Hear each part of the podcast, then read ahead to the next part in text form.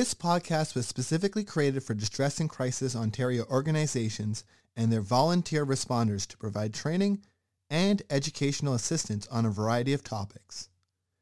As information evolves and changes, these podcasts are meant to offer ongoing support with the goal of updating them on an ongoing basis. We thank the volunteer responders and the contributors to this podcast. Please visit our website, dcontario.org for more information and how to access free mental health services. Thank you.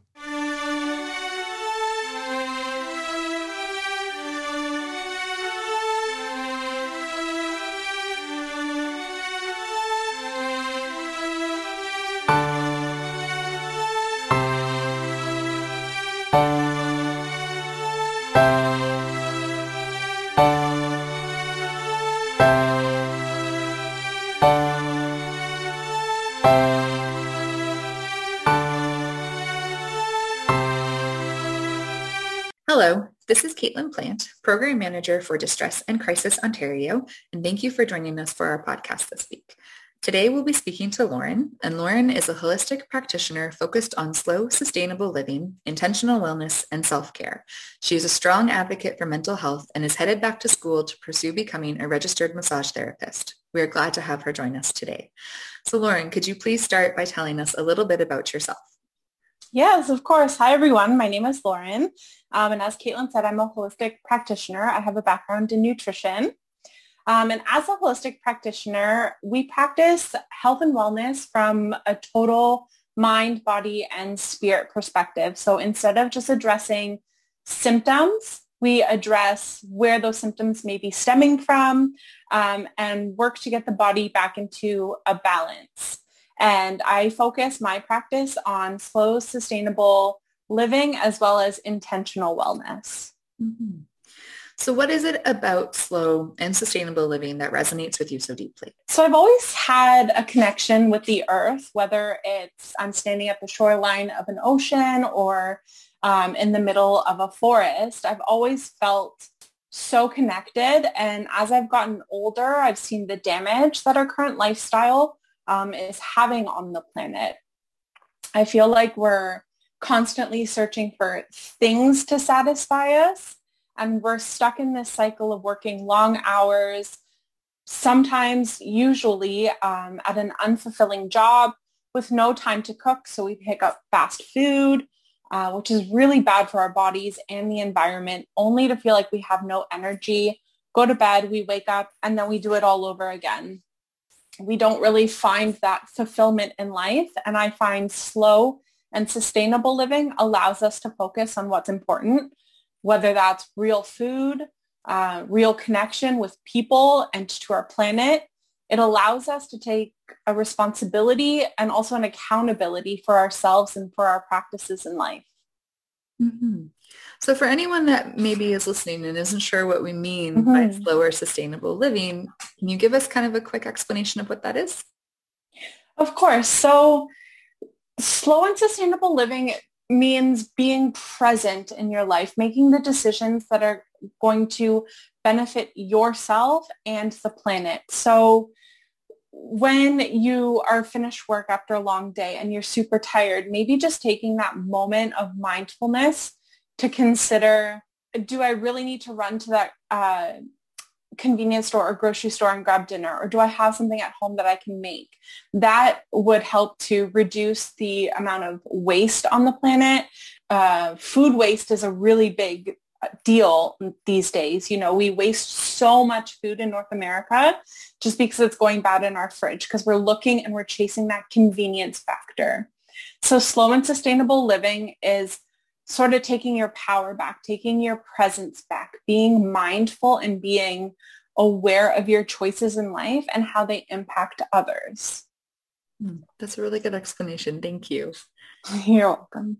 So what impact does this style of living have on your mental health? So my struggles with mental health uh, surround anxiety and depression and often um, a symptom of depression or a piece of it is not having a purpose or not defining a purpose. I find adopting a more slower, sustainable lifestyle has given me that sense of purpose. It's allowed me to define what's important to me in my life, having values and living by them. It's a framework for me to um, address if my actions are matching what my values are. And I find when my actions match my values, that's what makes me happy and fulfilled and purposeful in life. Um, in a day and age where we're surrounded by so much social media and hurtful messaging, having a sense of what's important to you can help you to filter out and filter through some of that negativity. Uh, the style of slow living, it shows you um, how important you are in life and how much of an impact you really do have on this planet when you start to realize where your decisions are and where they're coming from um, and their impact they have. If you start making slow and small changes, you actually really do have a big impact from one person, it goes to another and to another and to another. We're all connected on this planet. Um, slow living, it can really mean taking the time to shop at the grocery store for your food, figuring out what you like, what you enjoy, and then taking it home and making it into a meal that's going to nourish you.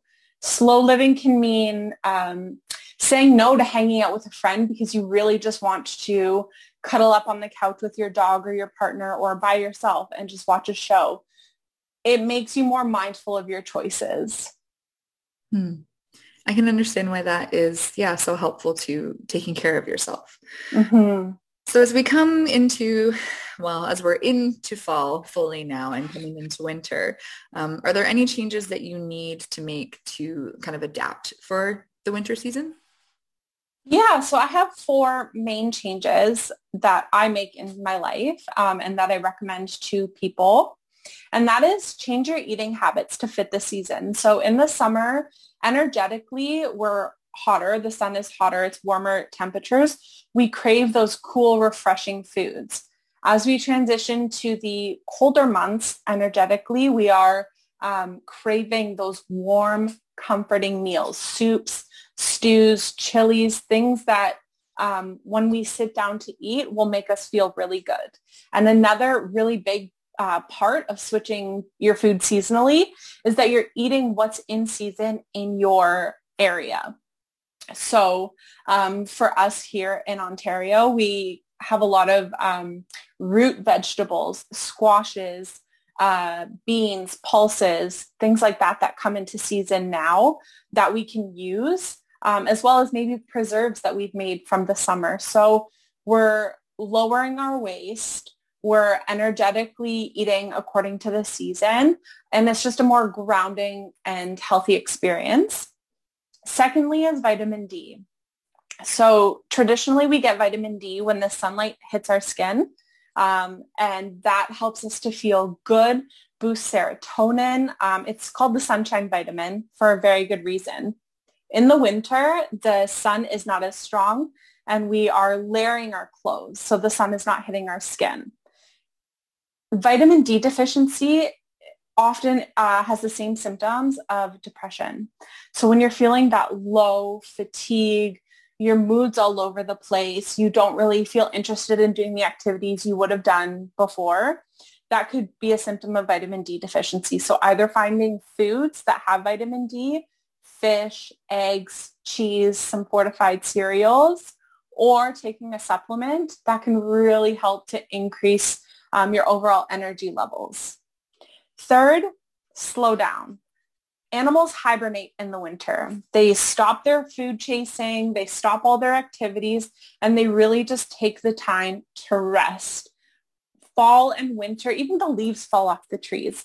Fall and winter is really a good time to just turn inward. Feel what you feel. Make sure that you're happy. Make sure that you're resting. Don't feel like you always have to be places.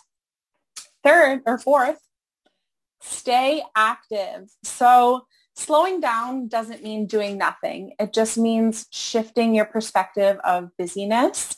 Staying active is super important for your physical and your mental well-being maybe you do some yoga classes or some um, YouTube videos, or maybe you just turn on a playlist and you dance it out for 10, 15, 20 minutes. Getting your blood flowing your heart moving, your body moving is really essential um, for keeping your well-being in the winter. Mm-hmm. I love all four of those. Thank you for sharing those with us. You're welcome. So those did kind of answer my next question as those are all also excellent forms of self-care. But do you have any additional suggestions for, yeah, taking that time to really focus on care for yourself as well? Of course, I'm such a huge advocate for self-care, but I do want to preface that with saying self-care is so subjective. Some days self-care for me looks like having a shower. Like that is all I can do to muster up the energy to feel good. Some days it's a hot bath with candles and essential oils and the works. So self-care really can is subjective to how you're feeling in the moment. Even drinking a glass of water or two glasses of water or a hot cup of tea can be what you need to set your day um, straight and show yourself some self-care. Other things I absolutely swear by are journaling. I love um, something, it's just called free writing. So you set a timer for about 10 to 15 minutes and without any sort of judgment, you write down every single thought that comes to your head for 10 to 15 minutes. You don't sit there and assess. You don't sit there and overthink it. You just write. And that's so therapeutic because even some subconscious thoughts that you didn't even realize were bugging you will come out. Um, meditating I love the Insight Timer app on uh, iPhones. If it's five, ten minutes, just again, turning inward, releasing thoughts and centering myself um, are really great self-care items that I love to do. Yeah, thank you for those additions. So if someone is listening to this podcast and they're thinking that this whole lifestyle sounds really good and like it's something that they would like to try, do you have any suggestions as what a good first step is? An easy first step is being mindful of your daily activities and tweaking little things from there. So when you're going to the grocery store, instead of using their plastic bags, bring your own bag. Step one, just bring your own bag. Same goes for um, going to the coffee shop. Bring your own reusable mug or drinking water instead of um, using a different plastic water bottle each and every time you drink water. Grab a reusable water bottle um, and fill that up every time you need water. Slow, sustainable changes um, or even small changes make a big impact. So I would recommend start small, start with one thing. And if that one thing is all that you're ever able to do, like bringing your own bag to the grocery store, that is amazing. That is making an impact. That's making a difference. That is plastic bags that are not going to end up in our landfill. So even one thing is very important. Yeah, awesome. So before we finish up today, is there anything else that you would like to share that we haven't already talked about? I want to say that progress is always better than perfection in anything that you do.